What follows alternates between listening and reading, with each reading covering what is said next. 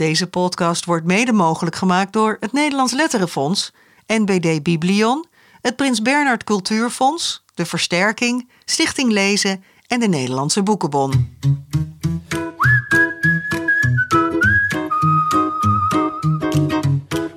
Ruim twee weken en dan begint in Nederland de Kinderboekenweek. In deze 78ste aflevering van de Grote Vriendelijke Podcast nemen we daar een voorschot op.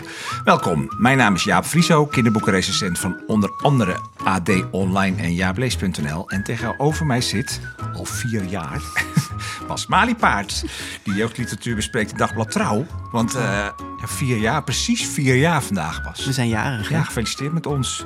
ja, het, we, waren al grootvriendelijke peuters en nu zijn we grootvriendelijke kleuters. Ja, ben je we met mogen vier naar kleuters? school. Ja, ja, ja, nou ja, toch leuk. Ik wist het eigenlijk niet, maar uh, vandaag... Uh... Da, da, daar is Facebook dan handig voor. Ja. Die gooit er opeens zo'n herinnering tegenaan dat je denkt... oh ja, we bestaan vier jaar. Ja. Maar dat betekent wel dat we volgend jaar dan ons eerste lustrum vieren. En dat valt dan min of meer samen eigenlijk met de honderdste aflevering. Ja. Dus een beetje pre- wanneer, wanneer precies weten we eigenlijk niet. Maar dan moeten we nog een beetje doortellen Ja, en in de agenda en dan kijken. gaan we echt dan- groot uh, feest Ja. vieren misschien, hè? Dat lijkt me wel heel leuk. ja. Misschien Hey, toch dat over feest grootvriendelijke gesproken. strandfeest. Ja, oh ja. Heb je een beetje zin in de kinderboekenweek? Eh, altijd, hè? Want dat is natuurlijk de periode in het jaar dat ons lievelingsonderwerp eh, opeens volop in de belangstelling staat. En we erop Het mogen kinderboek. Ja, het kinderboek. Ja. dat bedoelde ik. Ja. Lag wel voor de hand. Ja, en eh, nou, we hebben in onze updates natuurlijk al uitgebreid bij stilgestaan dat dit jaar ehm, het Kinderboekweek geschenk voor het eerst door buitenlanders geschreven is. Hè, door de Australiërs Terry Denton en Andy Griffiths. Eh, dat heet Waanzinnige Boomhut-verhalen. Het is een eh, soort spin-offje met korte verhalen van de Waanzinnige Boomhut-serie. Maar gelukkig is het speciale prentenboek van de Kinderboekenweek wel van Nederlands makelij. Het heet Egalus en het sluit aan bij het gigagroene thema van de week. Hè, over natuur gaat het. En het is gemaakt door Marije Tolman en zij is onze gast. Welkom Marije. Dankjewel. ja, welkom. Het boek ligt voor ons op tafel al. We hebben het al. Te Eh, shinen. Ja, en is, is dit nou zo'n soort opdracht waarvan je denkt... oh ja, die, die, dat, dat hoopte ik dat dat mij nog eens ten deel zou vallen? Ehm, nou, ik moet eerlijk zeggen, toen ik, toen ik deze opdracht kreeg, dacht ik, hè, hè eindelijk. Ja, ja echt? Het werd wel eens tijd. Dat is wel heel eerlijk. Ja, Ja. wel heel eerlijk, Ja. ja. Ja. Ja, het was ook een heel raar moment hoor, dat ik deze opdracht kreeg. Maar ehm, eh, ik lag namelijk op een brancard toen de telefoon ging met dit verzoek. Hier willen we alles Dus- over Ja, weten. Waarom op een brancard? Ja, het Lig heel je daar wel vaker op? Ja. Of is het gewoon... Nee, nee, totaal niet. Nee, nee, het was een beetje een eigenaardig verhaal. We waren onderweg eh, naar Frankrijk op vakantie. En ehm, onderweg in Gent bleek ik ineens een acute blinde darmontsteking Oh. te krijgen. Oei. Dus we zijn via de spoedeisende hulp in Gent teruggescheurd naar de spoedeisende hulp in Nederland. Al waar de telefoon ging. Daar echt toen je op de brancard lag Ja, toen en je, en je nam hem op ook. Nee, ik nam Nou. hem niet op. Het grappige was, ik zag dat de telefoon ging en ik gaf hem aan mijn man, want ik, ik was een beetje stoned van de morfine. En, eh, en hij googelde om te kijken van, god, dit nummer ken ik niet. Wie zal het zijn? Oh, het is iemand van de CPMB. En toen grapte ik, hè, hè, eindelijk. dit wordt het prentenboek. Ja. maar dat is meer mijn soort humor. Maar goed, Ja, en de En hij dacht, ze zit onder de morfine. Ja. Ja, precies. dus nou ja, in ieder geval eh, een aantal dagen na de operatie heb ik eh, keurig teruggebeld. En toen bleek het inderdaad... eh, Ja, wat, wat voor opdracht krijg je dan eigenlijk? Ja, maak het prentenboek voor de kinderboekenweek. Maar... Ehm, ja, nou, er werd wel heel expliciet ook uitgesproken wat het thema was en of ik daar iets mee had. En ehm, daar was ik juist uitzonderlijk blij mee, want dit is een uitgelezen thema waar ik iets. eh, Groen, ja, natuur, Gigagroen, Ja. hè? Ja. Hallo? Oh, ja. Gigagroen. gigagroen. Ja. Ja. ja, nee, Ja. daar was ik heel blij mee. Want ehm, nou ja, ik heb natuurlijk al vaker in mijn boeken veel verwerkt wat met de natuur te maken heeft. En, dus ik zei eigenlijk direct volmondig ja. Ja. Ja. Hey, maar eh, eh, wij spraken elkaar al even eerder eh, via de telefoon voor de Kinderboekenweekkrant die ik dit jaar weer eh, mocht maken. En eh, toen vertelde jij mij, eh, we gaan even niet vertellen waar het verhaal nog over gaat, maar dit wil ik alvast even van je horen. Eh, toen vertelde jij mij dat het, eh, de hoofdpersoon van dit prentenboek, Egalus, dat is een egeltje, dat die eigenlijk al klaar hing op een prikbord of op een, weet ik veel wat voor bord in jouw huis. Hoe zat dat? Hoe kwam dat egeltje daar terecht? Ehm, ja, dat is eigenlijk wel een wonderlijk verhaal. Je Ik heb- barst van de wonderlijke verhalen. ja, al. Daarom ben ik ook Ja, uitgenodigd. precies. Kan dit ook Ja. van een brancard? Of- Heel klein egeltjes voor een kaartje. Ja, ja. Ehm, nee, dat is een. ehm, even kijken. Er hing inderdaad op mijn prikbord in het atelier hing al een klein tekeningetje van Egelus. Dat hing daar al twee, bijna drie maanden. En dat ehm, is daar eigenlijk terechtgekomen via een schoolopdracht van mijn dochter. Mijn dochter moest voor ehm, een schoolopdracht voor het kosmisch onderwijs moest ze een Griekse mythe schrijven en tekenen.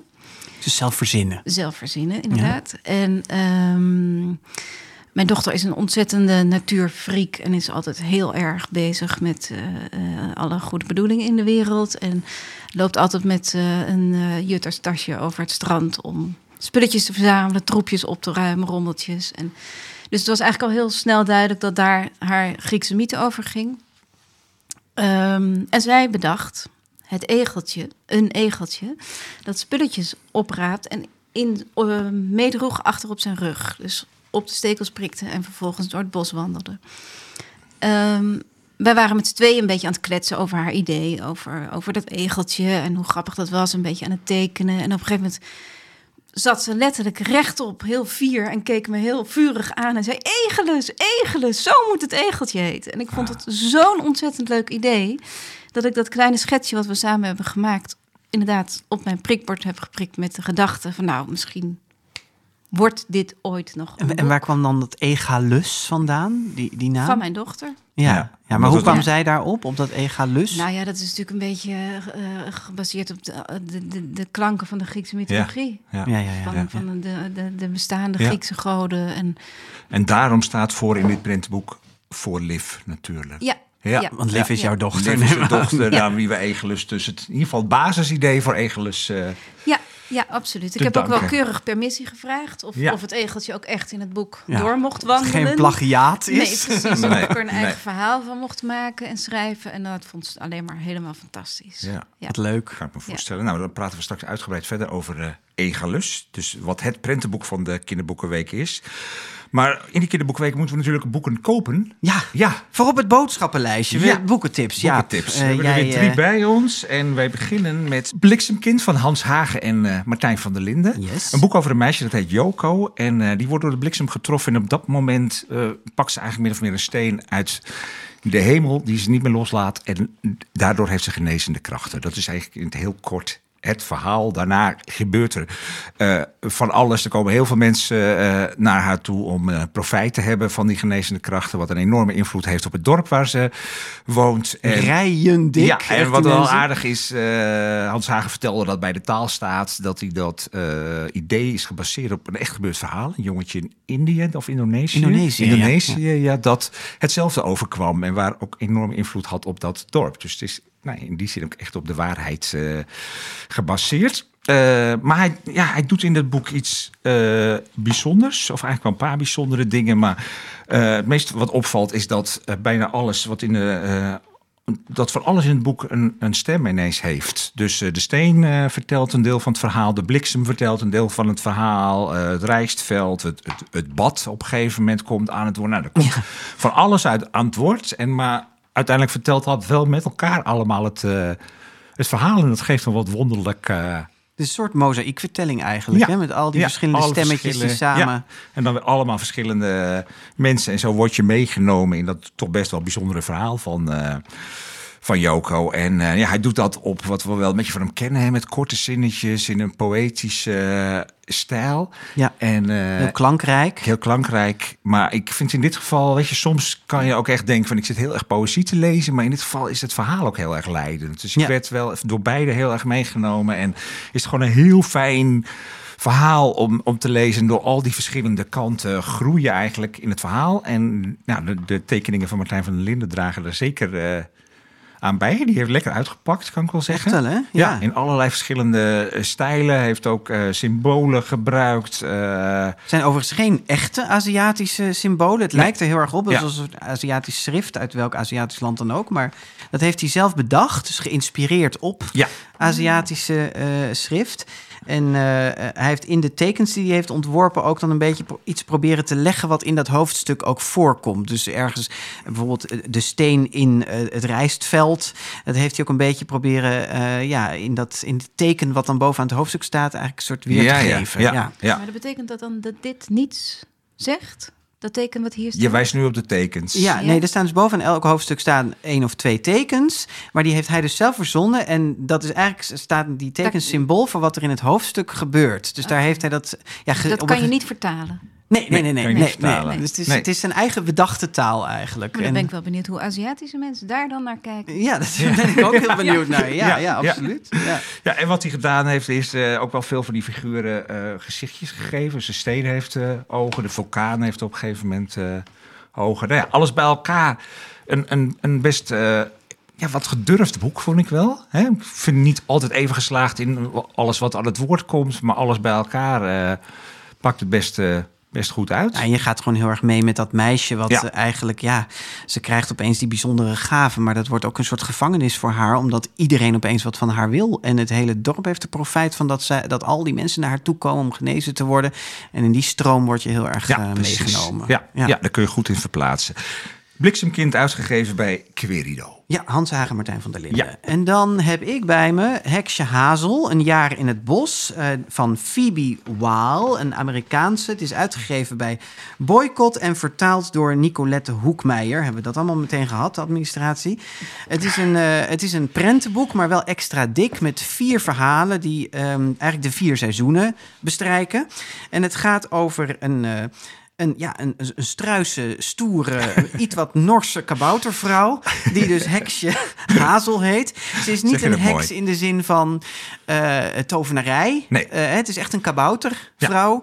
Maar, eh, Maar ik vind het zo prachtig als ze Heksje Hazel heet. Ja, Maar dat ja. heet in het Engels geloof ik Little Witch Hazel. Ja. En ik denk, het is echt perfect in Nederlands. Het- het Dan is het ineens allitereert Heksje hier Ha- wel, heerlijk toch? Mooi, beter eigenlijk. Ja, eigenlijk veel beter, ja. Ja, en ze heeft wel een, een soort rol van kruidenvrouw of vroetvrouw of nou ja, genezende Dame in het dorp. Ja. Nou ja, goed, hoe Ja, dan en wij ook. vonden dit beide meteen heel leuk boek. het is- en nou, waar komt dat nou door? Ik denk dat dat te maken heeft met de knusheid van Ja. de tekeningen. Het, is, het, het deed mij op een bepaalde manier... de- het, de tekeningen zijn, moet ik meteen zeggen, heel anders. Maar het deed mij een beetje denken aan de knusheid... van de Bramenbuurt-boekjes van Jill Barklem. Kennen jullie die nog? Van Bre- Besjes aan de bomen en zo van vroeger.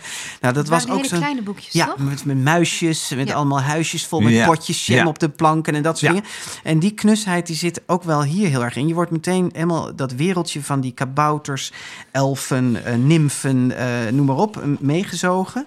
Dat volkje dat woont er allemaal in, in het bos. Er zijn ook aangeklede dieren bij. En in elk seizoen beleeft Heksje Hazel iets. Ja, maar er gebeurt eigenlijk niet eens zoveel. Nee, Dat ze, vindt een, eh, ze Nee. vindt een uilenei. Ja, eh, en dat- ze vinden het raar dat al die mensen niet met vakantie gaan of die wezen in het bos zijn, terwijl ze zelf zo druk is. En Ja, dat- precies, Dat, dat is het eigenlijk wel een Ja, maar beetje. het blijft wel heel aangenaam. Het blijft heel aangenaam. Ja, Ja. het Ja. is heel... Het is eh, lief, het is, ja, maar het is vooral knus, inderdaad. Ja, het is heel, maar dat heel klinkt, warm. dat klinkt misschien wel oudbollig. Nee, maar het is dus... nou, de- misschien Nou, een komt beetje ook oudbollig kan ook wel Ja, lekker dat is ook zijn, waar, toch? ja. Ja, maar het is wel zo dat die tekeningen zijn op een bepaalde manier wel... eh, ja, ik, ik heb in mijn recensie geschreven wel robuust of zo. Ook door, Ja. de, door de lijnvoering en door... Ja, het is niet heel poppig. Nee, het is niet, niet tuttig of zo. Nee. Weet je? Het is, eh, er zit een enorme gezelligheid overheen. Maar Ja. het is tegelijkertijd wel, zijn ze wel stevig. Lekker wat zwarte lijnen. Het, het is, soms heeft ze zoveel zwarte lijntjes... dat je bijna een beetje het uiterlijk van een soort lino-snede of zo krijgt. Eh, dus dat geeft het wel een soort body, die illustraties. Ja, en het komt dus ook wel door Heksje zelf, die bijna op iedere pagina staat. Met Ja. de rode wangetjes en dat...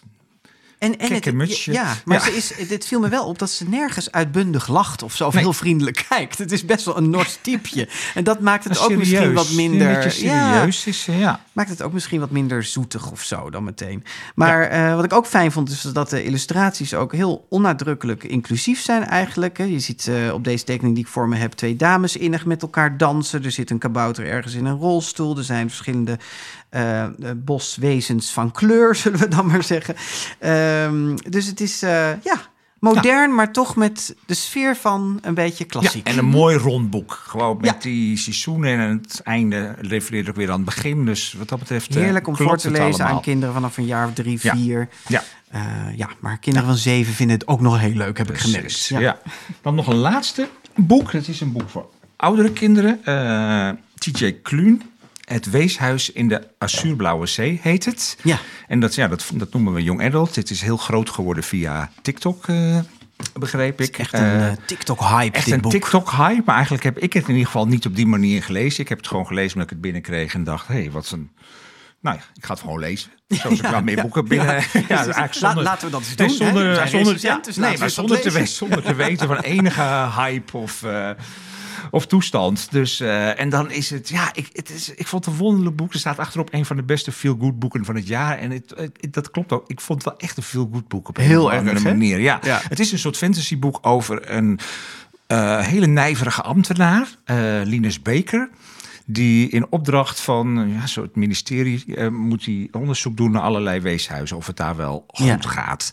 En nou ja, dan krijgt hij uiteindelijk een toegewezen een weeshuis waar eh ze allemaal van denken van dat, nou, ja, dat, dat is helemaal niks. Dat weeshuis in de Azuurblauwe Zee. Op een eilandje, Op een hè? eilandje heel ver weg. Daar wordt hij naartoe gestuurd. En eh, nou Er ja, wonen allemaal magische er wezens. wonen hele rare. Ja. in principe rare wezens. Weet je, dus Linus komt daar ook aan en denkt, wat is dit allemaal? Er woont een, Kab- een, een ka- kwalachtige jongen. Er woont iemand, eh er woont een meisjeskabouter. Heksje Hazel woont er ook, zeg Ja, maar. maar dan met baard. Met een meisje met een baard. Ja, Ja. en een anti, en antichrist woont er. Gekke, gekke wezens. Dus Zoon van de duivel, Op het ministerie denken ze, dit, hier deugt helemaal niks van. En eh, nou, die pennenlikker Linus Beker gaat daar ook op die manier naartoe. Maar langzaam wordt hij getroffen door die, ja, die kinderen die daar zijn. En ook de directeur van het weeshuis. eh, Raakt hij erg van gecharmeerd. erg van gecharmeerd. ja. En eh, nou ja, uiteindelijk moet hij dan een rapport schrijven. En dus het gaat een beetje over de ontwikkeling van die Linus Beker. Ja, want dat is wel grappig. Het is een 40-jarige man, hè? Ja, die, eh, ja, die de ik- hoofdpersoon Ik zeg Linus, is. maar dat komt omdat het Engels Oh, is. Linus, Maar. Linus is ook prima. Ja. Eh, eh, Dat maar hoor je niet zo vaak bij dit soort boeken. Nee, Nee. nee. Het, is, Nee. het is een 40-jarige hoofdpersoon. Ja. En het is zo'n ontzettend nederig mannetje, weet Ja. je wel. Die altijd heel keurig zijn werk doet en alles aan de Ja, regeltjes wil vasthouden. eigenlijk ook. Ja. Mm. Je wil wel een schop onder de kont geven. Maar hij heeft dus ook wel ergens... komt die rebel in hem... Die komt Ja. op dat Ja, eiland, en komt voor- dat helemaal... Die eh, komt tot ontbolstering en ook wel dat rechtvaardigheidsgevoel. maar het is toch wel vooral die magie van die eiland met, met, die, met, die, Met die kinderen, met die rare kinderen, Ja, ja. en, en ja, daar gaat het ook wel over toch ja, dat je anders mag zijn. En dat dat... Maar het blijven wel menselijke wezens. Nee, nee, nee, nee. Het is dus één jongen die ziet eruit als eigenlijk een soort grote kwal. Oh, echt een En, letterlijke en, kwal. en letterlijk, het zijn dus Oh, echt magische wezens, ja. En, Ja. eh, Maar ze ze hebben een we- denken op een of andere manier. Eh, nou ja, dat kan ik me best voorstellen. Ja, ik moest ook wel denken aan eh, eh, dat, eh, god, hoe heet het boek ook weer van Ransom Briggs van de Oh, ja, weeshuis ja, met ja, eh, ja. mevrouw Peregrine ja, of zo heet dat. Ja. Ja. Nee, daar heeft het iets van. Dus het zijn op zich wel met kinderlijke kenmerken. Hè? Dus het zijn, Ja. ze hebben allemaal wel... Ja, het- in principe zijn het gewoon kinderen in een weeshuis. Maar, Maar dat vond ik dus ook heel knap, hele- dat je wel eh, die kinderen, ook al zijn het dus hele rare uitziende kinderen, zoals een 250-jarige kabouter met een baard die ook nog een meisje is. eh, Wat fascinerend. Ja, maar Ja. je, je Ja. wordt wel, die kinderen die, die, die treffen je wel Ja, meteen. Weet je, die ontroeren je heel erg. Van, eh. Omdat ze eigenlijk ook, ja, ze worden daar weggestopt op dat eiland omdat ze in de maatschappij niet welkom zijn. Nee, op omdat ze zo vasteland moeten ze niks van hun hebben. En, eh, Nee. En die man die komt daar en die is eigenlijk ook bang voor ze. Want die heeft die rapporten van tevoren gelezen van wat voor wezens daar zitten. En die denkt, my god, waar kom ik terecht? ja. En dan blijken het allemaal hele ontroerende, echte karakters Echte te zijn. ja, en kinderen dan blijkt daar een fantastische directeur die, die zijn hart helemaal heeft opengesteld voor die kinderen. En door roeien en ruiten voor ze gaat. Nou Ja. Niet te veel over vertellen. Maar goed, Maar- het is wel... Mag ik dat zeggen? Ik, vind, ik vond het wel suikerzoet. Ja, heerlijk. daarom, is, daarom is het ook veel goed boek. Het glazuur springt soms Ja, van je tanden. ja. Eh, maar... Ja, maar als dat goed gedaan is, dan heb ik daar toch niet zo veel moeite mee. Nee, ja, ik, ik ik vind vond- het echt zo'n glimlachboek. Ik vond soms wel net dat ik dacht, dit is wel net te vet. Ja. Maar het, het is wel, ja, het is ook, daar kun je ook, Ja. je ook op instellen als je aan het lezen bent. Hè, dat je denkt van, oké, ik zit hier nu geen een hoge literatuur te lezen of zo. Maar gewoon, eh, nou, guilty pleasures doen we niet aan. Je hoeft je nergens schuldig over te voelen. Maar toch ook aan het eind dat, dat het goed komt. Het is en wel dat lekker elkaar happy vinden. ending En, en- eh, Ja, kan ook Ja. heerlijk zijn. Ja. Ja. het is in die zin ook best voorspelbaar hoe het allemaal gaat. Maar het, Ja. is, wel, het is wel heerlijk. Je dompelt je zo helemaal onder Ja. in die wereld. En Ja. je denkt, nou, eh, ja, ja, eh, laat het buiten maar regenen. Klopt. Ik zit hier met een boek op de bank. Ja. Dat. het Ja. is vertaald door Anneke Blok en Claudia de Poorter. Het is uitgegeven bij uitgeverij Volt. Ja, Ja. heel goed. Dat was het. Het weeshuis in de Azuurblauwe Zee. Ja. Eh, onze tips zijn te leen in de bibliotheek of te koop in de boekwinkel natuurlijk. En als je dat dus doet tijdens de Kinderboekenweek, dan krijg je er in Nederland het eh Kinderboekenweekgeschenk gratis eh, bij. Ja. En alle info, als je het nog even wilt teruglezen over de boeken, dat vind je natuurlijk op de grotevriendelijke podcast.nl. En het is ook een mooi moment om uh, te vragen of jij, luisteraar, uh, misschien zo aardig zou willen zijn om een review over de GVP uh, achter te laten in Apple Podcast. Onze laatste review is van vorig jaar. Echt waar? Nou ja, oh, op, dat kan toch niet? Nee, nee ja. vinden jullie niks meer van ons? ja, precies. Ja, ja. maar de, het helpt ons namelijk wel heel erg. Hè, het schijnt dan in zo'n podcast-app allemaal weer te helpen met algoritmes en sterren die mensen geven. Zo, Schrijf gewoon even op naar boven of ja, Dus het helpt andere mensen ook om onze podcast weer te vinden.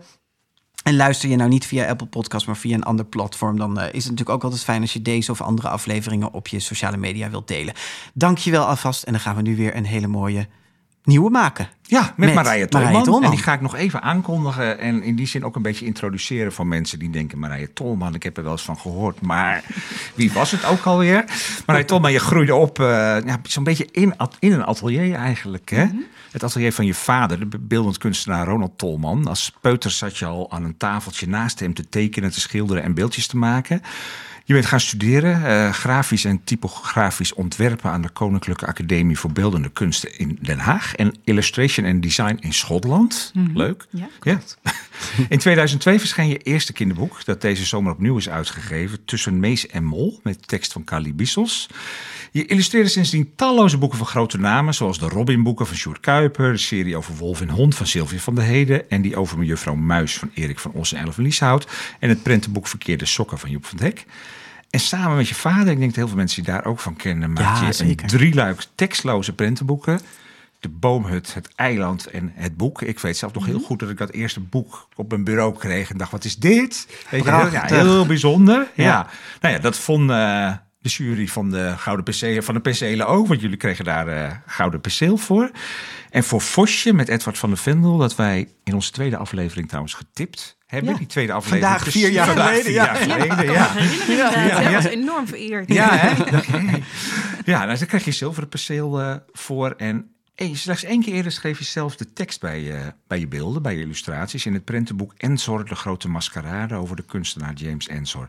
Maar nu is er dus opnieuw een boek met eh, tekst en illustraties van Johan Egalus. Het prentenboek voor de komende kinderboekenweek. Zou je hem te beginnen de eerste zin willen voorlezen? Jazeker. Buiten is het stil en koud. Nou, Het wel een beetje vandaag. ja, het begint weer, hè, de herfst. Ja. Maar dit is dus wel een zin die je zelf geschreven hebt. En we hoorden het net al, je hebt met klinkende namen samengewerkt. Meestal eh, schrijf je eigenlijk eh, niet zelf, maar doen andere auteurs dat en maak je daar eh, eh, tekeningen bij. Waarom wilde je dit verhaal eh, zelf vertellen? Ehm, ik denk dat dat komt omdat ik al heel snel het idee had om het verhaal van Egelus te gaan vertellen. En wat ik net al in het begin eh, aangaf, was het natuurlijk eigenlijk het verhaal van mijn dochter. Ja, En ja, ik had direct het gevoel, dat moet ik zelf vertellen. Dat moet Ja. ik niet door iemand anders laten vertellen. En je had die opdracht ook lekker gekregen. Zou je daar nog en iemand ik anders vond bij het moeten ook, betrekken? Ja, dat ook. Ik vond het eigenlijk ook wel een mooie uitdaging. Als ik dan toch zo'n gigantisch mooi project krijg, dan wil ik het ook gewoon keihard helemaal alleen doen. ja, Ja, dat voelde helemaal ook wel. eh, ja, ja. Ja. Maar het is niet iets wat je automatisch doet, dat schrijven, betekeningen. Nee, is, is, is, is, nee. is- zit het niet in je comfortzone of is het gewoon nooit zo van gekomen? Nou, jawel hoor. Ik heb zeker wel de ambitie om daar wat meer in te onderzoeken, om het maar even voorzichtig te zeggen. Ehm, maar op een of andere manier is het inderdaad gewoon letterlijk nooit zo van gekomen. Ik heb heel vaak eh, allerlei eh, mooie ideeën en projecten in potlood met schrijvers staan. Van god, dit zouden we een keer kunnen doen of dat of dat. En de tijd haalt de gedachten vaak weer in. ja. En voor je het weet ben ik bezig met een boek van een schrijver met een waanzinnig mooie tekst. En wandel je weer door naar een ander vel papier. En om daadwerkelijk zelf te gaan schrijven, vraagt natuurlijk een enorme leegte. ja. En stilte en ehm, ruimte en tijd. Maar dat vraagt tekenen niet? Jawel, zeker. Ja. Zeker. Het vraagt eigenlijk voor mijn gevoel precies dezelfde soort tijd en stilte. Maar als er dan al heel veel staat te verlangen naar je, of ik creëer zelf dat verlangen, dat kan natuurlijk ook, ligt Mhm. maar net aan hoe je het bekijkt. Eh, dan vind ik het moeilijk om voor mezelf te bepalen: oké, nu doe ik die deur dicht en komt er gewoon drie, vier maanden niemand in. Ja. En ga ik helemaal vanuit witte vel papier zelf beginnen. Maar komt er wel eens tekst uit jou? Ik bedoel, hè, zoals, zoals schrijvers, nee, maar zoals schrijvers zo vaker in onze podcast ook aangegeven, van ik draag altijd een notitieblokje Mhm. bij me of zo, of er komen zinnen in me op die ik noteer. Is dat iets wat bij jou leeft, of ben jij toch meer iemand waar de beelden eerst uitkomen? Ehm, nou, ik denk absoluut in beelden. Dat is, dat is zeker duidelijk. Maar Ehm, ik ben wel iemand die, die notities maakt en ideetjes noteert. En, maar dat gebeurt dan wel vaak in eerste instantie in de vorm van een tekeningetje, van een schetsje.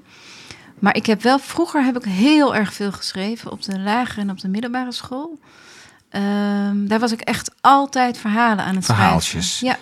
Ja, ja en dat heb ik op een gegeven moment heb ik dat helemaal losgelaten. Waarom, dat weet ik niet. Waarschijnlijk omdat het leven zelf nog veel interessanter was. maar, ehm, dus ik heb wel altijd ergens een beetje een, een, een soort eh, prikkel gehad die Ja, kant op. en die combinatie eh, Ja.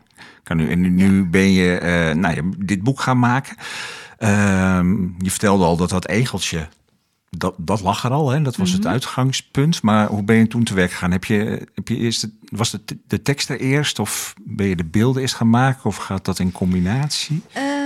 Nou, het verhaal was op een of andere manier voor mijn gevoel al heel snel heel vanzelfsprekend. Dus ik wist al heel snel wat ik wilde vertellen. Alleen is natuurlijk altijd nog de kunst hoe je het gaat vertellen. En ehm, in beeld had ik ook al een redelijk duidelijk idee. Ook qua ritme en qua sfeer en qua techniek. Ehm, en dan moet je nog gaan doen alsof je kan schrijven. En hoe Dus werkte was dat dan? Ehm, nou, ik ben eerst eigenlijk op een hele kinderlijke manier gewoon letterlijk gaan schrijven wat ik wilde vertellen met dit boek. En vervolgens ben ik samen met mijn redacteur, met Mirjam Bolt van Querido, zijn we gaan schaven en zijn we het gaan vereenvoudigen en minimaliseren. En ehm, ja, zodoende is uiteindelijk het prentenboekverhaal ontstaan. Ja, ja, mooi. Maar wel, wel toch op een redelijk organische manier. Ja. Ik heb zelf, ik vond het wel moeilijk. Ik vond het wel ingewikkeld, omdat ik natuurlijk als tekenaar vaak de luxe, bijna altijd de luxe heb gehad, dat ik me gewoon kon laten meevoeren in wat er op het papier lag, wat ik op mijn tekentafel cadeau kreeg. Maar nu Je bedoelt ik- het verhaal van een andere Ja. schrijver. Ja. Maar nu moest ik mezelf Ja. Vanuit dat witte vel papier. En met tekenen heb ik helemaal geen moeite met witte vellen papier. Want ik heb zo mijn eigen manieren om daar een eh, flinke eh, klets kleur op te zetten, om het zo maar even te zeggen. Ja. Ehm, maar dat vond ik best spannend, ja. ja. Maar toch nog even voor mij, hè? want ga je dan eh, eerst een storyboard maken, zo van dit is ongeveer de lijn van het verhaal, dan schrijven en dan tekenen? Of hoe is dat? Nee, dat, is, eh, dat was ook een beetje eh, eh, dat, een onderdeel wat de CPMB een beetje lastig vond af en toe. Ik ben namelijk iemand die werkt al, ik werk al jaren niet meer met een storyboard. En dat doe ik heel bewust. Dat heb ik eigenlijk ontdekt sinds de boeken die ik samen met mijn vader maak. Ehm, omdat ik voor mezelf, en dan spreek ik echt voor mezelf hoor, want iedere tekenaar doet het natuurlijk weer anders. Als ik een storyboard teken, heb ik het gevoel dat ik het voor mezelf al zo dicht ram. Dat ik het hele proces al zo kant en klaar maak. Dat de originele tekeningen die ik uiteindelijk uitwerk al heel voorspelbaar zijn. Ja, want een storyboard, even voor de luisteraar, is eigenlijk een schets van hoe alle pagina's erin groot Een soort klein stripverhaaltje eigenlijk, hè, zo ziet Het is een beetje een soort Ja. filmisch Ja. effect van Ja.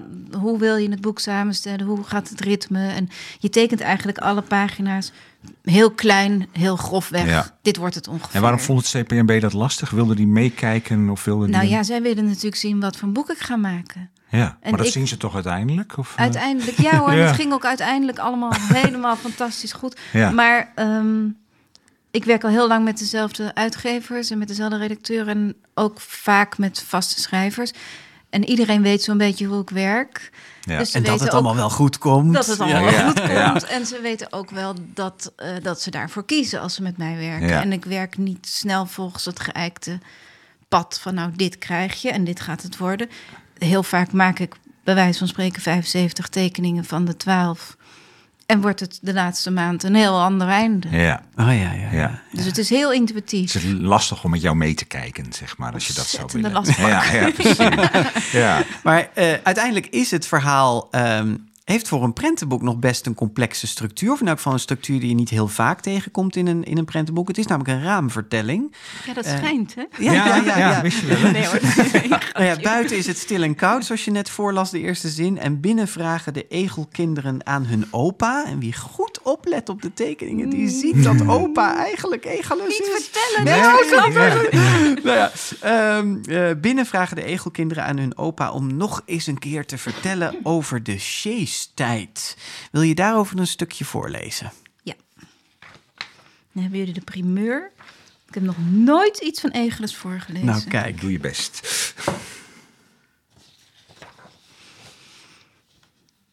Lang, lang geleden was het een drukte van je welste. Niemand had tijd om sti- stil te staan. Alles en iedereen moest hoger, sneller, verder, groter, mooier, meer.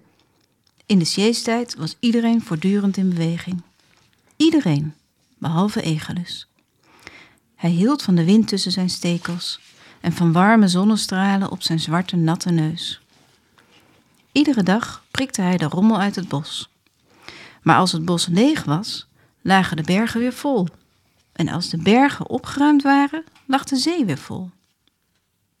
Ja, die egelus. Die prikt dus afval met zijn drietandje eh Uit de natuur. uit de natuur aan zijn stekels. Doet dat allemaal in een, eh, een rugzakje op zijn rug. Nee, hij prikt het Nee, op zijn stekels. Oh, hij prikt het op zijn stekels. Ja, Ja, ja, dat precies. Ja, ja, het op- ja, maar daardoor wordt het een soort rugzakje. Ja, dan ziet het eruit als een Een rugzakje. rugzakje vol afval, ja. Ja, ja. Eh, wat wil je hiermee vertellen? Het gaat over vervuiling, het gaat over haast hebben, de sjeestijd. Mhm. En, en Egelus is de enige die daar eigenlijk iets tegen doet. Ehm, nou, eigenlijk gaat het boek over heel veel verschillende. Het is een metafoor voor heel veel verschillende lagen. Maar ehm, wat ik eigenlijk misschien wat het belangrijkste vind om te vertellen is dat het boek een pleidooi is voor aandachtig leven en aandachtig met de omgeving omgaan. Ehm, en inderdaad, te midden van de siesttijd en te midden van de gretige gulzigheid waarmee alle dieren om Egelus heen keihard in beweging blijven, is Egelus de stille kracht. Die via hele kleine stapjes toch voor een, hoopt om voor een beetje verandering te kunnen zorgen. Ja, de Greta Thunberg van, eh, van dit prentenboek wel, eigenlijk. Een hè? beetje wel. Ja. Beetje tegen, tegen de massa in. ja. De eenling die het, we- die, ja, die het in zijn eentje opneemt voor eh, in dit geval een schone natuur, om het even maar heel plat te zeggen. Ja. Ehm, en een wat rustiger, cont- contemplatiever leven misschien. Nou, zeker ook inderdaad een, een, een, een aandachtiger leven vooral. want dat gaat samen eigenlijk. Hè? Dat is heel snel en gehaast en daardoor eigenlijk ook geen oog hebben voor... Nee, we het is gooien alles maar weg. We, Ja, ja. en boel dat het al maar meer en meer en meer moet zijn. Het is ook een pleidooi voor soberheid. Dat je dus ook als egeltje in een bos enorm kan genieten van wat er wel allemaal al is. Ja. In plaats van dat er alleen maar dat je daaraan voorbij gaat en daar altijd maar om, omheen sleept dat er meer moet komen. Ja. En die, de, de, er zit, het is een, eh, op zich een hoopgevend prentenboek, want er zit een, eh, eh, een, ja, een, een omkering in. Het wordt egelus te veel op een gegeven moment. Mhm. hè? En eh, pas dan realiseren de andere dieren zich eigenlijk waar ze mee bezig zijn. Ja. Dat vond ik ook wel, eh, wel heel opvallend. En daarna, leek ook, daarna lijkt ook wel ja, het hele afvalprobleem opgelost. Hoe, eh, Zo eenvoudig kan het ook Ja, gewoon ja, zijn. is dat Ja. zo? Is dat Nou, zo? dat denk ik soms wel. Soms denk ik inderdaad oprecht dat er heel veel hele eenvoudige oplossingen mogelijk zijn, maar dat we het met z'n allen gewoon vertikken om het te doen. Ja. er moet een knop om eigenlijk. Ja, ja. Ja. ja. nee, er moet zeker een knop om. En ik denk, ik heb heel bewust, heb ik Egelus ook geschreven in de vorm van, ehm de siesttijd is echt verleden tijd. Ja. Dus het is allemaal, in dit boek is eigenlijk alles al opgelost. het is goed gekomen. Ja, Ja. dus Waarom heb je opa dat- vertelt hoe Waarom het... heb je dat heel bewust gedaan? Omdat ik wil dat het een hoopvol boek is. Ja. Het mag niet een boek zijn waar om, eh, onze kinderen mogen niet lastiggevallen worden met de zooi die wij ervan gemaakt hebben. Ik zou het niet goed vinden als de kinderen Egalus gaan lezen met het idee: oh, kijk nou wat afschuwelijk, wat, wat we allemaal doen. En nee, dan wordt het een veel te moralistisch boek. In dit boek is alles al goed gekomen. Nee, laat ik even zien hoe. Nu, is, nu, nu is het een utopisch boek eigenlijk. Hè? Je schetst eigenlijk van Ja, waar we zou naartoe zouden Ja. moeten. Ja. Het is een soort science fiction bijna. ja, ja, ja, maar- nou, het is wel grappig dat je het zegt. Ik heb wel bewust bij die eerste platen waarin de siesttijd letterlijk genoemd wordt, heb ik ook achtergronden gebruikt die voor mijn gevoel bijna een soort oertijd suggereren. Ah, dus ja. als je, mm, dat hoop ik dat dat straks op die manier gelezen wordt, maar het zou kunnen dat je, dat je bladert door het boek en ook inderdaad met het effect van, oh, maar dit is echt al honderden jaren geleden. Het is Ja, al ja. lang weer goed Ja. gekomen. Nou, over die achtergronden gaan we het straks nog even hebben. Maar ik wil nog even, je zegt net van ja, het, anders zou het te moralistisch zijn.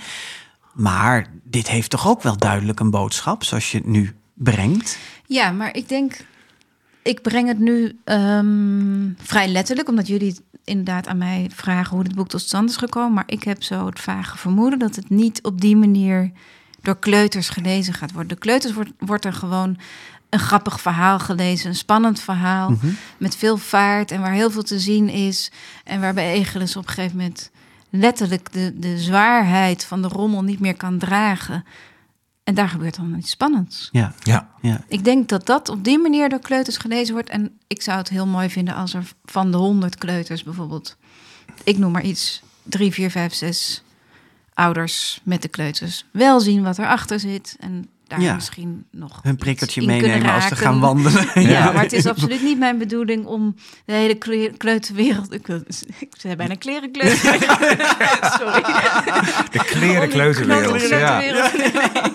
Om die helemaal overhoop te gooien. Nee, nee. Maar ik de denk ook wel dat het zo is dat kleuters en, en, en ook iets oudere, jonge kinderen, zeg maar, hi- hier wel vaak heel erg mee bezig zijn. Je ziet Ja. toch heel veel kinderen eigenlijk wel met prikkertjes lopen. Of de juist dat het de kinderen zijn die heel erg bewust zijn we moeten de troep. eh, Ja, Ja. ja. dat klopt. Misschien niet in hun eigen huis, maar wel, wel, wel buiten, zeg maar. Ja. Ja. Maar Ja. misschien komt dat ook wel omdat eh, jonge kinderen in die zin nog geen verantwoordelijkheden dragen in de wereld. Het zijn vaak, nou, zo'n Greta Thunberg, die noemde ik net, maar dat is natuurlijk ook een heel jong iemand die eh, vanwege haar jeugdige leeftijd ook zo'n podium krijgt wereldwijd. Ja. Ehm, d- dat je ook een beetje los van de systemen nog kan denken of zo. Als je daar eenmaal als volwassene induikt, dat je dan. Ja, jij bedoelt, dan moet je meteen de politiek in. Wil je daar nou ja, iets precies. Of dan zit je ook dan, dan, ben je veel meer bewust van alle eh, ja, dingen die misschien moeilijk zijn. Of alle beren op de Ja. weg. Of dat soort Ja. dingen. Dat je toch. Ja, dan wordt het heel complex. Ja. Terwijl eigenlijk, ja, dat is misschien mijn kinderlijke naïviteit, maar denk ik oprecht dat het zo simpel kan zijn als dit. Ja. Ja. Dat je dus met hele kleine stapjes wel degelijk grote veranderingen kan, ja. teweeg kan brengen. Hey, je zei net van dat jouw dochter, hè, dat die eh, met haar jutterstasje op het strand eh, propjes opruimt en, en blikjes en noem maar op. Maar ik vroeg me nog even af hoe, hoe dat bij jou zelf zit. Eh, Is het een thema wat, nou ja... Loop jij met, loop jij over. Nee, ja, precies. Jij laat alles heb, liggen. je, heb je een prikkertje, Marije Tolman? Ik gooi al dat plastic. Nee, als je nu nee zegt, dan, als je geen prikker hebt, dan val je door de mand. Nee, nee. nee ik wil meer weten van in hoeverre dit thema jou persoonlijk raakt. Hè? Van je hebt het, die chase-tijd, daar kies je niet, eh, eh, niet onbewust voor om dat zo te noemen. Is het haastige leven iets wat jij zelf lastig vindt? Dat het al maar doorgaan en eh, weinig oog hebben voor de omgeving? Eh, ja, vind ik, dat vind ik wel lastig. En vooral omdat ik me in die zin wel ook een hele erge egalust voel. Ehm, ik woon zelf midden in de stad, maar mijn atelier heeft wel een hele rustige plek. Dus ik kan me goed afsluiten van de drukte en van het gesjees. Mm, maar ik heb het bijvoorbeeld wel echt keihard nodig om iedere ochtend te beginnen met een uurtje door het bos wandelen met de hond. Of een uur fietsen door de duinen. Of ik zoek dat heel bewust op. Als ik zou leven tussen alleen maar het gesjees... Ja, nee, daar zou ik helemaal krankjorum van worden. Ja. Ja. Maar Ja. nu kun je dus nooit meer het bos in zonder prikkertje. Dat begrijp je na deze aflevering. Ja, Nee. maar ik heb heel goed contact met al die mannen in die hesjes. Die in dat bos rondlopen. Oh, ja. Nee, serieus, want daar wilde ik ook nog iets over zeggen. Want dat, dat Egelus heeft niet voor niks dat Ja. hesje aan. Ja, oh, hij zo'n heeft zo'n oranje, oranje hesje, ja. zo'n zo'n Ja, hij heeft een fluoriserend hesje. fluoriserend Ja. hesje aan. En dat is eh, eh, ja, heel bewust gekozen als een eh, hesje van de, de groenvoorziening. Ja. Ehm, dat heb ik ook gedaan omdat ik het belangrijk vind om degene die achter de schermen in dit leven zo knetterhard hun best doen, zo keihard ongezien zijn, om daar ook een beetje licht op te zetten. ja, ja. De stille krachten die de, schat, die de stad schoonhouden en de natuur. Absoluut. eh, Ja. ja. Ja. ja. Ja, de oranje hesjes. Nou Ja. ja. dat zijn natuurlijk toch wel bepaalde fundamenten waar ook de chasers zo vaak aan voorbij gaan. Ja. Terwijl, ja, dat zijn vaak knoerd hard werkende mensen. En je ziet ze overal. Als je eenmaal eh, hebt ontdekt hoe Egelus ze eruit zien. ziet, Ja, ja, dan precies. zie je Ja. overal Egelussen. Ja, Ja. ja. En wij waren bijvoorbeeld in de zomer waren wij ehm, vrij lang in Noord-Italië. Nou, daar kom je de meest prachtige egelussen tegen. In dat knettergroen op de achtergrond, op haarspeldbochten staan mannen in neon fluoriserende pakken, helemaal vuil en bezweet van die brandend hete zon. Staan daar gewoon onze veiligheid te bewaken. Ja, en Ja. ons vuil op te ruimen. En onze troep op te ruimen. Ja. En wij chasen daar maar aan voorbij. Ja. Ja. En ik, ja, ik vind het toch ook wel op een bepaalde manier ook heel ontroerend dat mensen daar gewoon zo hun stinkende best staan te doen. Ja. Voor jou eigenlijk. Ja. Ja. En wij merkten bijvoorbeeld in Italië hadden we op een gegeven moment, we hadden een huisje wat vrij, eh, Nou, vrij was heel erg afgezonderd. Echt in een klein gehuchtje waar we alleen maar te voet konden komen. En waardoor je ook dus alleen te voet je eigen afval weer moest wegbrengen. Nou, dat is best confronterend, want dan je flikkert het niet gewoon aan de kant van je huis, maar je moet twee kilometer Met de bergen sjouwen, letterlijk met zo'n vieze zak op je rug. En dan ga je pas voelen hoeveel het Ja. eigenlijk Ja, en is. dan merk je je pas wat je eigenlijk allemaal doet met elkaar. En daar stond boven de top stond dus ook zo'n prachtige egelus, helemaal zongebruind en in dat, dat bloedheet pak met zijn karretje. En op het moment dat wij letterlijk zeiden van, oh, we helpen wel even mee met al die zakken erin gooien. Nou, er ontstond zo'n ontzettende mooie menselijke ontroering. Nou, dat, dat vind ik ook wel iets wat, waar mensen zich wat vaker Ja, bewust van meer mogen zijn. waardering en bewustwording Nou, voor meer de... waardering, maar ook gewoon wat, wat, wat aardige aandacht. Ja. Ja. Voor dat soort mensen. Nou, die met dit boek Ja. zet je de spotlight op de egalusjes van deze wereld. Laten we even naar die tekeningen gaan. Want die zijn zo prachtig. En daar willen we ook graag nog over eh, praten. En niet alleen dankzij het oranje hesje. Maar dankzij nog heel veel meer. Eh, de te- techniek eh, die je hebt gebruikt in Egelus... die heb je al eens eerder gebruikt. Dus mensen die jouw oeuvre kennen... die eh, weten een beetje waar we het nu over gaan hebben. Namelijk in Vosje, waar je een zilveren penseel voor won. Het boek van Edward van de Vendel ook. Ehm, eh, ja, kort door de bocht kun je zeggen... je tekent op foto's van de natuur. Hè, er komt veel meer bij kijken, daar gaan we het nu over hebben. Maar dit is een beetje de kern van wat Ja, het is. en dat deed je voor het eerst in Vosje. Ja, toen Ja. was dat nieuw. Ja. Waarom heb je daar nu weer voor gekozen?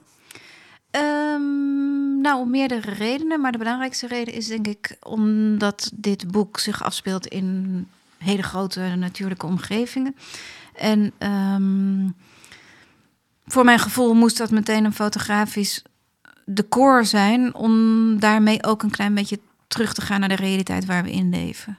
Ja. Ja. Dus het is de brug eigenlijk tussen de echte wereld en de Ja. wereld van het boek. Dus denk je daar heel erg over na, die keuze voor een techniek? Ja. Ja, Ja. dat is echt wel iets heel bewust. Ja, dat is heel bewust, maar dat is, is wel ook een keuze die vaak in één seconde gemaakt is. Dat weer wel. Als ik een verhaal heb, eh, of ik het nou zelf heb geschreven of een verhaal van een schrijver, heb ik al direct een gevoel, dit wordt het. Ja. En bijna altijd hou ik daar ook aan vast. Ja. Ja. Dat is niet iets wat ik bijvoorbeeld eerst enorm ga schetsen en uitproberen. Heel vaak is de allereerste gedachte is meteen raak. Ja.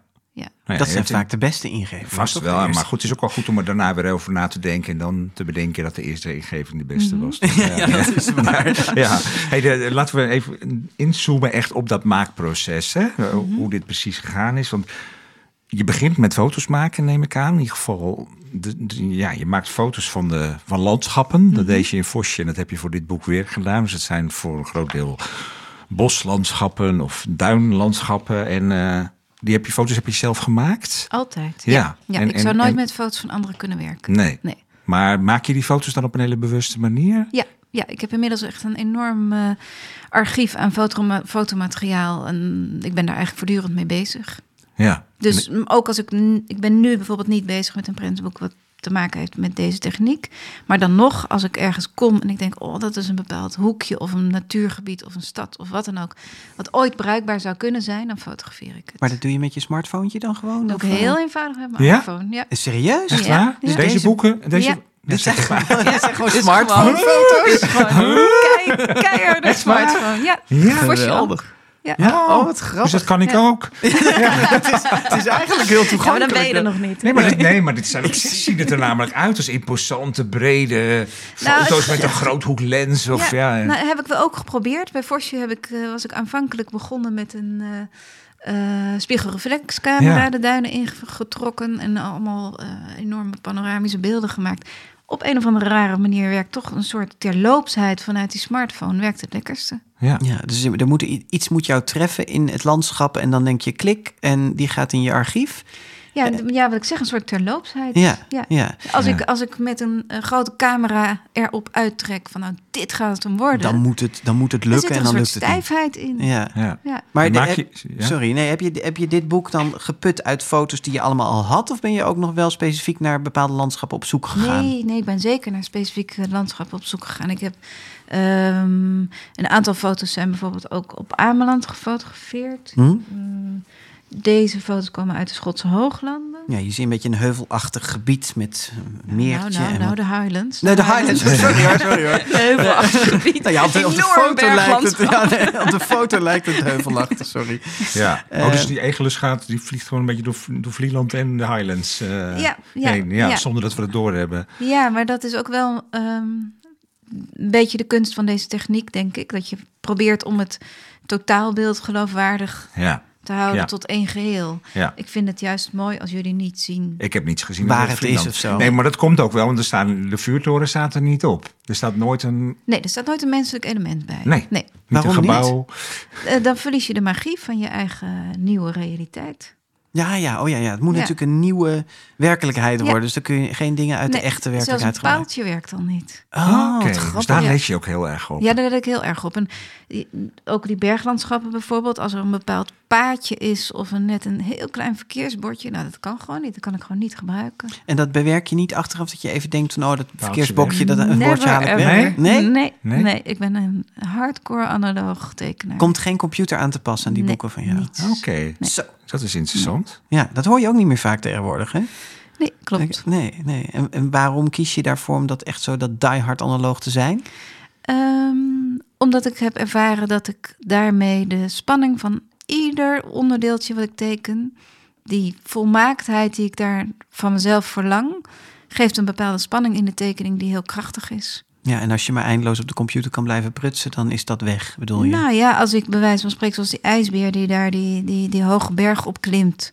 Ja. Als ik denk van nou, ik teken een klimmende ijsbeer en als hij niet zo heel erg op de goede plek staat, is dat niet erg.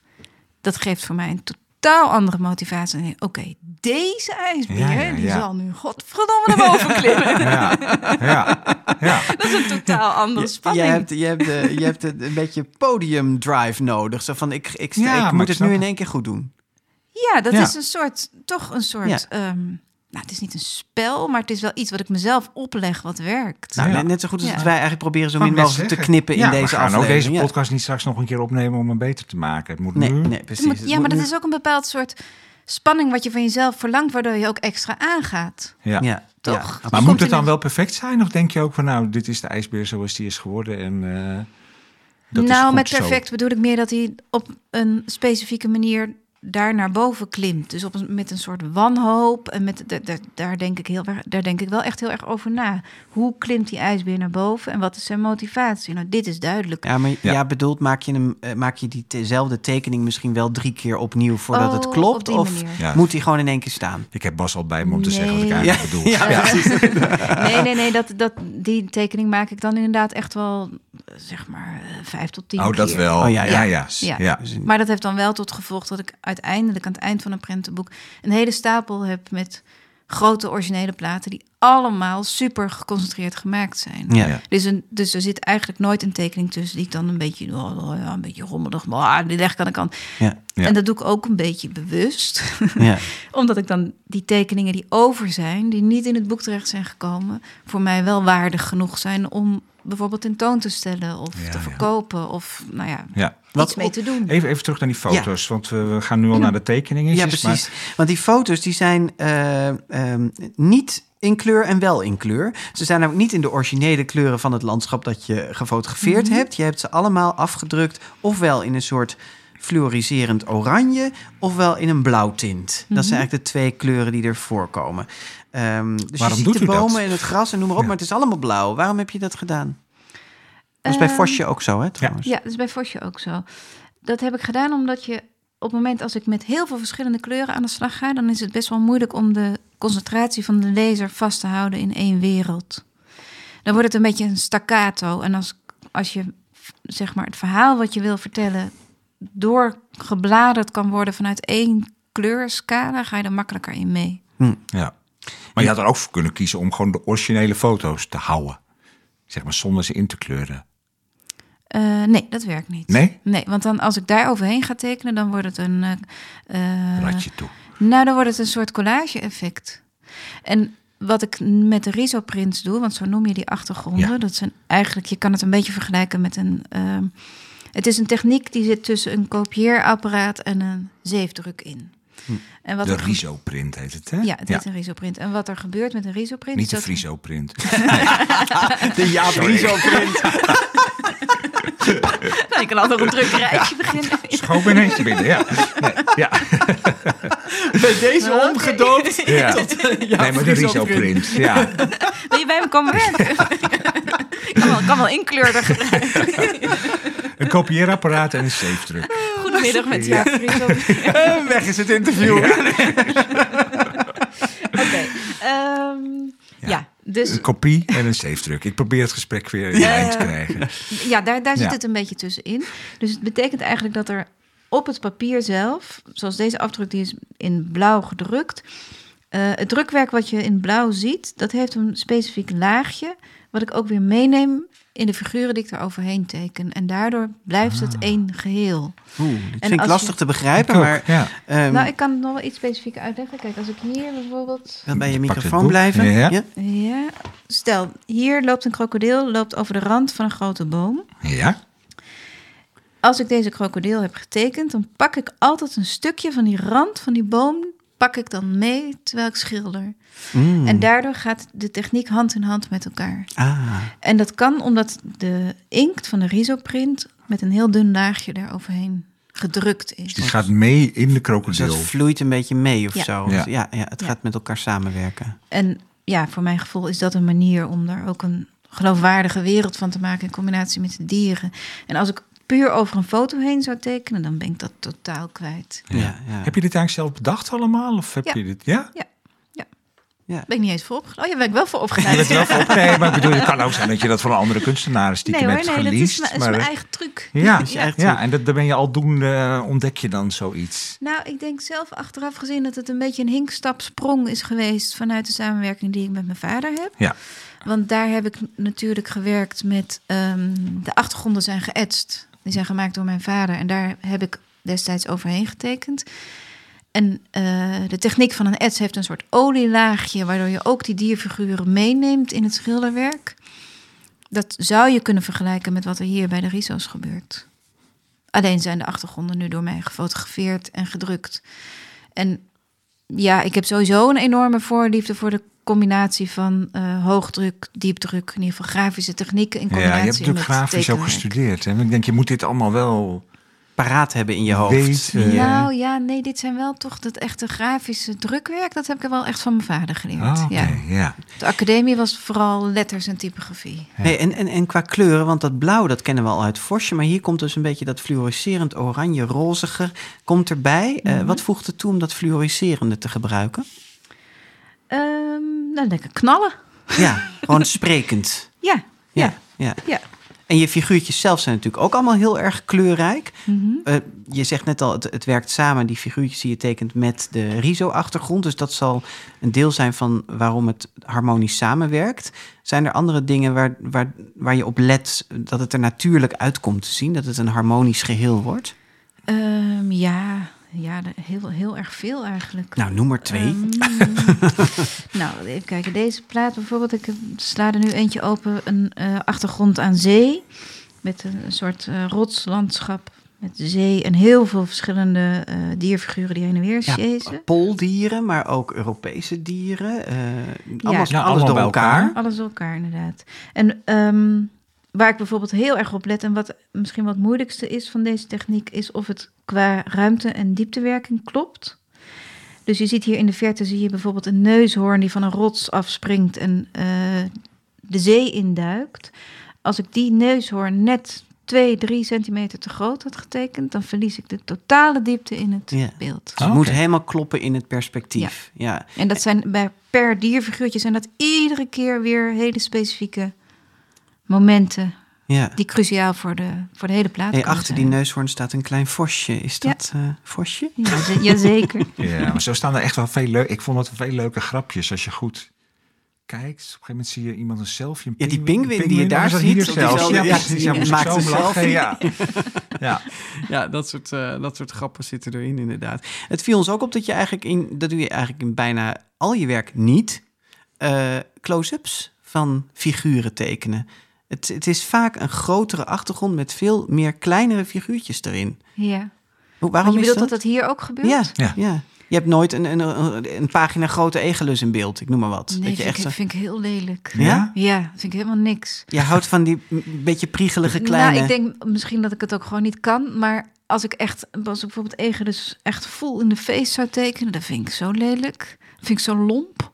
Ja. En dan verlies je de hele wereld eromheen. Terwijl misschien de wereld eromheen wel veel belangrijker is dan het figuurtje zelf. Ja. ja. Hey, en Ja. gebeurt er nog iets anders. Je maakt ook tekeningen dat die egeltjes gezellig met egelen zitten te praten in een, eh, in een woonkamer. Bij ja, dat is bij opa, hè, bij in, in opa. het nu, zeg ja, maar. precies. Ja. met een houtkacheltje, wat we trouwens niet zo heel erg... eh, Milieuvriendelijk. milieuvriendelijk vonden. Dat is onze redding deze wereld. En daar, daar staan die... eh, daar werk je niet op een foto. Nee, Nee. nee. dat klopt. Dat is een geëtste achtergrond. Ah, Oké. Nou, vertel maar even waarom dan? Ja. nee, waarom hier dan geen, eh, geen interieurfoto of zo waar je op getekend hebt? Ehm, oh nee, interieurfoto's zou ik op een of andere manier niet goed kunnen gebruiken. Want ook dat is weer zo full in the face naar de menselijke realiteit. Dan Ja. ben ik die hele egelwereld in één klap kwijt. En bovendien is dan daar ook weer ieder detail heel bepalend. Als ik een interieur heb met een jaren 60 lamp, is Ja. het natuurlijk een totaal ander verhaal dan dat ik een hele, heel IKEA-interieur laat zien. Ja, en daarmee, ik vind het juist heel, heel mooi om de wereld van, of de leefwereld, dus zeg maar de binnenwereld van de egeltjes, om die zo universeel mogelijk te maken, zodat het voor iedereen goed eh, te doen is om je erin te verplaatsen. Ja. Terwijl als ik bij wijze van spreken hier een IKEA-keuken had getekend, zou ik me er al niet meer goed in Nee. kunnen verplaatsen. Nu kan iedereen zich erin verplaatsen, behalve de mensen die bewust geen houtkachel hebben. nou, die misschien ook. Ja. Ja. Ja. Hey, eh, we noemden het al een paar keer dat je ook met je vader drie prachtige boeken eh, hebt gemaakt. Hè, waarvoor je het eerste de boomhut en de gouden penseel eh, hebt gekregen. En eh, die vader die wil even iets tegen je zeggen. Ah, lieve dochter. Er is mij gevraagd of ik iets zou willen vertellen over jouw ontwikkeling als kunstenaar. Nou, je zal maar zo'n dochter hebben als vader. Dus, om maar gelijk van start te gaan. Alle boeken die je hebt gemaakt zijn volstrekt uniek, inhoudelijk en wat vorm. Elke keer heb je gezocht naar een inhoudelijk en wat vorm betreft een heel eigenzinnig soort boek. Alle boeken zijn ook dragen jouw signatuur, signatuur, maar ze zijn allemaal zo verschillend. En elke keer is het weer een verrassing als je tevoorschijn komt met een nieuwe ontdekking hoe en op wat voor manier en met welke techniek je een boek maken zal. Wat mij ooit als enorme mazzel is overkomen, dat je hier op mijn atelier ontdekte hoe je het beste kunt tekenen op een oude afgedrukte ets. Daar is uit voortgekomen onze gezamenlijke boomhut die we gemaakt hebben, waardoor we ongeveer over de hele wereld eh, rondreizen hebben gemaakt, avonturen hebben beleefd van Bologna tot Buenos Aires en in Wenen de bekende Wiener Schnitzel gegeten. Allemaal feesten die we samen hebben mogen doen. Ik ben dus ook beren trots op die dochter. En eh, inmiddels komt nu eh, de, het egeltje met de prachtige mythologische naam Egelus aan marcheren onze hedendaagse wereld in. En hoop ik dat ik nu voor jou opnieuw met een diepe buiging en zo elegant mogelijk mijn hoed voor je wil afnemen. En weer een keer een dik compliment aan dit project mag toevoegen. Ronald Tolman. Jou wel bekend. Ja, jouw vader. Die zegt van je zal maar zo'n dochter hebben, maar je zal ook maar zo'n maar vader. vader hebben. Ja, ja. Je zal er maar samen boeken mee kunnen maken. Ja, Toch? ja. Want ik zat te denken in hoeverre door die, die vader moet een enorme invloed op jou hebben gehad, überhaupt dat je kunstenaar bent geworden. Mhm. Of eh, ja, ben je echt schatplichtig aan hem om dat woord maar eens te gebruiken? Nee, nee, Nee? nee, op die manier totaal niet. Nee, ik ben eh, opgevoed met eh, een enorme bak aan eh, eh, keuzevrijheid en, en, en vleugels. En nee, op die manier is het nooit, nooit verlopen. Sterker nog, toen ik op de middelbare school zat en een keuze moest maken in, in mijn eindexamenjaar, was ik aanvankelijk van plan om psychologie te gaan studeren. Vond ik knijter interessant, vind ik nog steeds heel interessant. Ehm, totdat ik ineens voor mijn eh, tekenen een 10 kreeg. Dat ik dacht, "Wacht, misschien moet ik toch Wacht even. even de andere kant op kijken. Ehm, dus ja, zodoende toen is, is, het, is die wereld vanuit de kunstacademie een beetje gestart. Maar ehm, het is niet zo dat ik het... Nou, ik bedoel ook niet zozeer schatplichtig dat het moest hoor, maar Nee. meer van ja, je hebt dat talent misschien ook wel toch meegekregen op Mhm. die manier. En je bent er natuurlijk heel erg... Toen mijn vader tekende niet en had geen atelier. Nee, Nee. nee. Je bent er niet heel erg in meegenomen, wel in, in, Ja. in de Ja, wereld van het maken. Ja. Natuurlijk, enorm. Er werd bij ons altijd gemaakt. En er was ook helemaal geen sprake van het begrip werkdagen bijvoorbeeld. Een zondag, dat bestond niet. Dat sloeg helemaal nergens op. Als jij mooie dingen wil maken, maak je mooie dingen. En dan maakt het niet uit hoe je het noemt. Of je dat werk noemt. Of, ehm, ja, wij waren altijd bezig als gezin. Dat klopt. Ja. En in het atelier was er natuurlijk, er was natuurlijk een walhalla aan mogelijkheden. Ik bedoel, bronzen beeldjes, etsen, schilderijen. Alles was toegankelijk en alles mocht ik uitproberen. En ik heb thuis ook echt eh, de meest prachtige kinderbeeldjes die heel veel kinderen hebben. Alleen ik had het geluk dat het vervolgens in brons gegoten werd. Dus jij zat te kleien of te boetseren en, en ze, maakten er meteen een bronzen beeldje van. Nou, mijn vader was eh, bevriend met de bronsgieter. En dat was in de tijd dat de brons nog niet zo schreeuwend duur was als nu. Dus hij nam inderdaad af en toe kinderbeeldjes mee. En die werden hop erbij gegooid. En dan eh, een paar weken later werd- kwam er zo'n prachtig glimmend bronzen beeldje terug. Ja. Maar is er, is er wel iets in jouw werk waarvan je zegt, nou dat heb ik van mijn vader geleerd, of dat is iets wat, waar we in elkaar, eh, op elkaar lijken in ons kunstenaarschap? Ja, of zijn jullie veel. totaal Nee hoor, nee, oh, op die manier. Nee, nee, dat bedoelde ik niet te zeggen. Ik, eh, ik denk dat wij heel erg veel op elkaar lijken. Sowieso de, de ongelofelijke drive om te maken. Scheppingsdrang vind ik altijd een beetje aanstellerig klinken. Maar ja, ik denk toch best dat het in Ja, ons ja. zit. Ehm, en vooral de lol van het maken ook.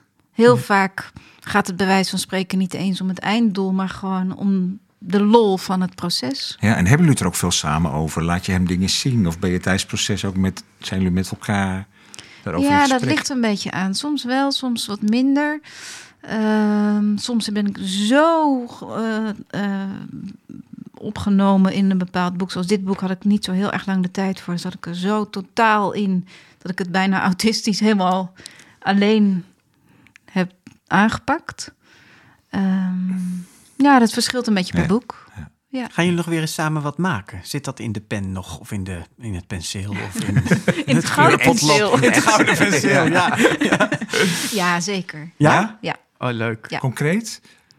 Zeker, Ja? concreet. Ja, ik bedoel, die plannen zijn er gewoon. Jawel, nee Ja. zeker. We hebben eigenlijk al heel lang de wens en een aantal plannetjes, een aantal ideeën. Voorjaarsaanbieding 2023 of nog niet zo concreet? dat- Nee, dat nog niet op die manier. Nee, oké. Nee. Ah, Oké. Nou, wie, wie het werk van jouw vader niet kent, die moet ook zeker zijn website even bekijken. Waar ik van de week op zat om hem een mailtje te sturen om dit eh, audiofragment te vragen. Of om dit audiofragment te vragen. Maar hij, heeft- hij maakt prachtig dingen. Moet je zeker even op gaan kijken. ronaldtomman.nl geloof ik. Hey, je hebt nu het Gouden Penseel gewonnen. Het prentenboek van de Kinderboekenweek gemaakt. Dus what's next? Heb je nog ambities, plannen? Ehm, Zeker, zeker. meer altijd. zelfschrijven, zei je al in het begin van dit gesprek. Dat, eh, Ja, meer zelf schrijven. En ehm, wat ik heel erg leuk vind, wat ik dit jaar heb ontdekt, is om te tekenen voor volwassenen. Ah, Oké. Dat is toch ook weer een heel andere... Met Joep van het Hek samen hè, Ja. maak je Ja. een boek voor Ja. volwassenen. Ja. Ja. En dat vraagt weer om een totaal andere benadering. En dat vind ik ontzettend leuk. En dan met name omdat ik namelijk heel erg van gore grapjes hou. Die kun je nu en dat eindelijk kan kwijt. ik eindelijk kwijt. Ja. Ja. Ik hoef dan niet de keer de tere kinderzieltjes te sparen. En, dus ik moet zeggen dat ik daar wel echt de smaak te pakken heb gekregen. Ja. Is al uit, toch, dat boek met eh, Joep van Teck? Of komt het erbij? Eh, een Zee van Tijd is in eh, februari verschenen. ja, precies. Ja. En er komt in november komt er weer een klein boekje van ons samen uit. En daar hebben we een boekje gemaakt van de tekst Flappy. Oh, Oh, leuk. Het, het beroemde kerstlied Ja. van. Joep van Teck, de Ja. klassieker. Ja. Ja. Nou, dit was eh Egelus. Dat was Egelus Ja. en Marije Tolman, maar niet voordat we jouw bijdrage hebben gehoord aan deze rubriek. De grote vriendelijke parel. Ja, want Ja. Jij, jij gaat ook iets op de... Ja, we zitten elkaar steeds te Ja, interrumperen. ja, inderdaad. Het is, het is de inter, grote inter, inter, Ja. interrumpeerpodcast geworden. Maar eh, we hebben jou natuurlijk ook gevraagd om een boek op de plank te zetten. De Grote Vriendelijke Parel. Wat heb je meegenomen? Dat is geworden. Het was eigenlijk al heel direct duidelijk dat dat muizensoep moest worden van Arnold Lobel.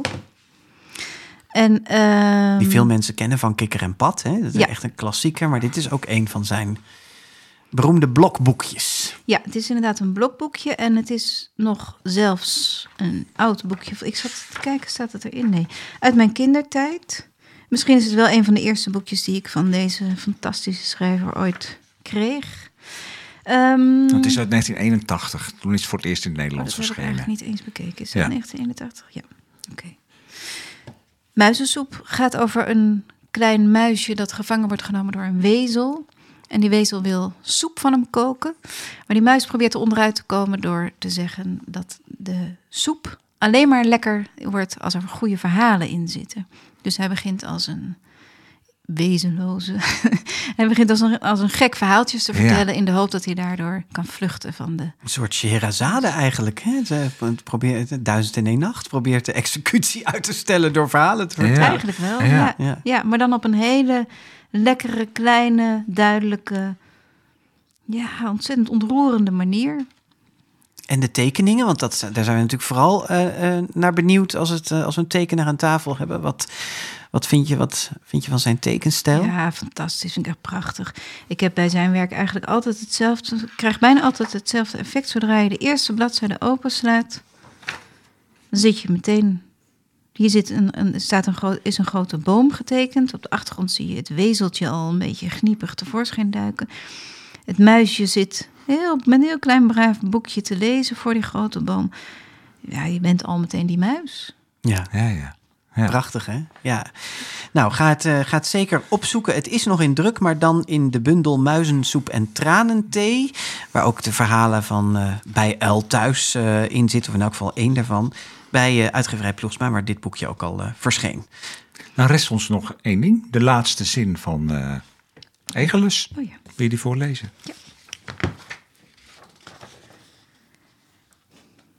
De frisse lentewind waait zacht tussen heel veel gelukkige stekels. Prachtige. Ja. Laatste zin, ja. En eh, nou ja, we zitten nu een beetje met de, met de herfstwind inmiddels. Dus eh, hopelijk waait hij Die in de kan goede goed door richting. die egels heen waaien. Ja, precies, ja. Hoewel de egel het best moeilijk heeft momenteel. maar- Ja, dat Ja. is ook nog weer een ding. Ja, eh, bedankt dat je hier was en heel veel succes eh, tijdens de komende kinderboekenweek. Want dat zal druk voor je worden. Hè? Ja, en eh Egelus is dan te koop. Het is uitgegeven door eh, Stichting CPNB natuurlijk. En is tijdens die kinderboekenweek van 5 tot en met 16 oktober voor maar 8,25 eh te koop. Ja, Ja, dat is toch niks? Nee, nee, nee. Het is een heel groot boek. Ja. Ja, als je ons wil steunen, wij zijn nog op zoek naar 16 nieuwe vrienden van de show. Nou, eigenlijk veel meer, maar we willen heel graag dit, Dit jaar, dit Dit jaar 300 eh, donateurs halen. Het zou geweldig zijn als je eh, vriend van de Grote Vriendelijke Podcast wil worden. Dat kan door naar vriendvandeshow.nl slash de GV podcast te gaan. Yes, deze 78ste aflevering van de GVP nemen, namen we op op maandag 19 september 2022 in kinderboekwinkel Kiekeboek. Ik zag achterin al grote dozen staan, die zijn zich ook helemaal aan het opmaken voor de kinderboekenweek in Haarlem dus. Techniek Mark Brouwer en vlak voor de kinderboekenweek zijn wij er nogmaals met een grote vriendelijke update waarin we ongetwijfeld stilstaan bij de winnaars van de Gouden Griffel en het Gouden Penseel. Tot dan! Tot dan!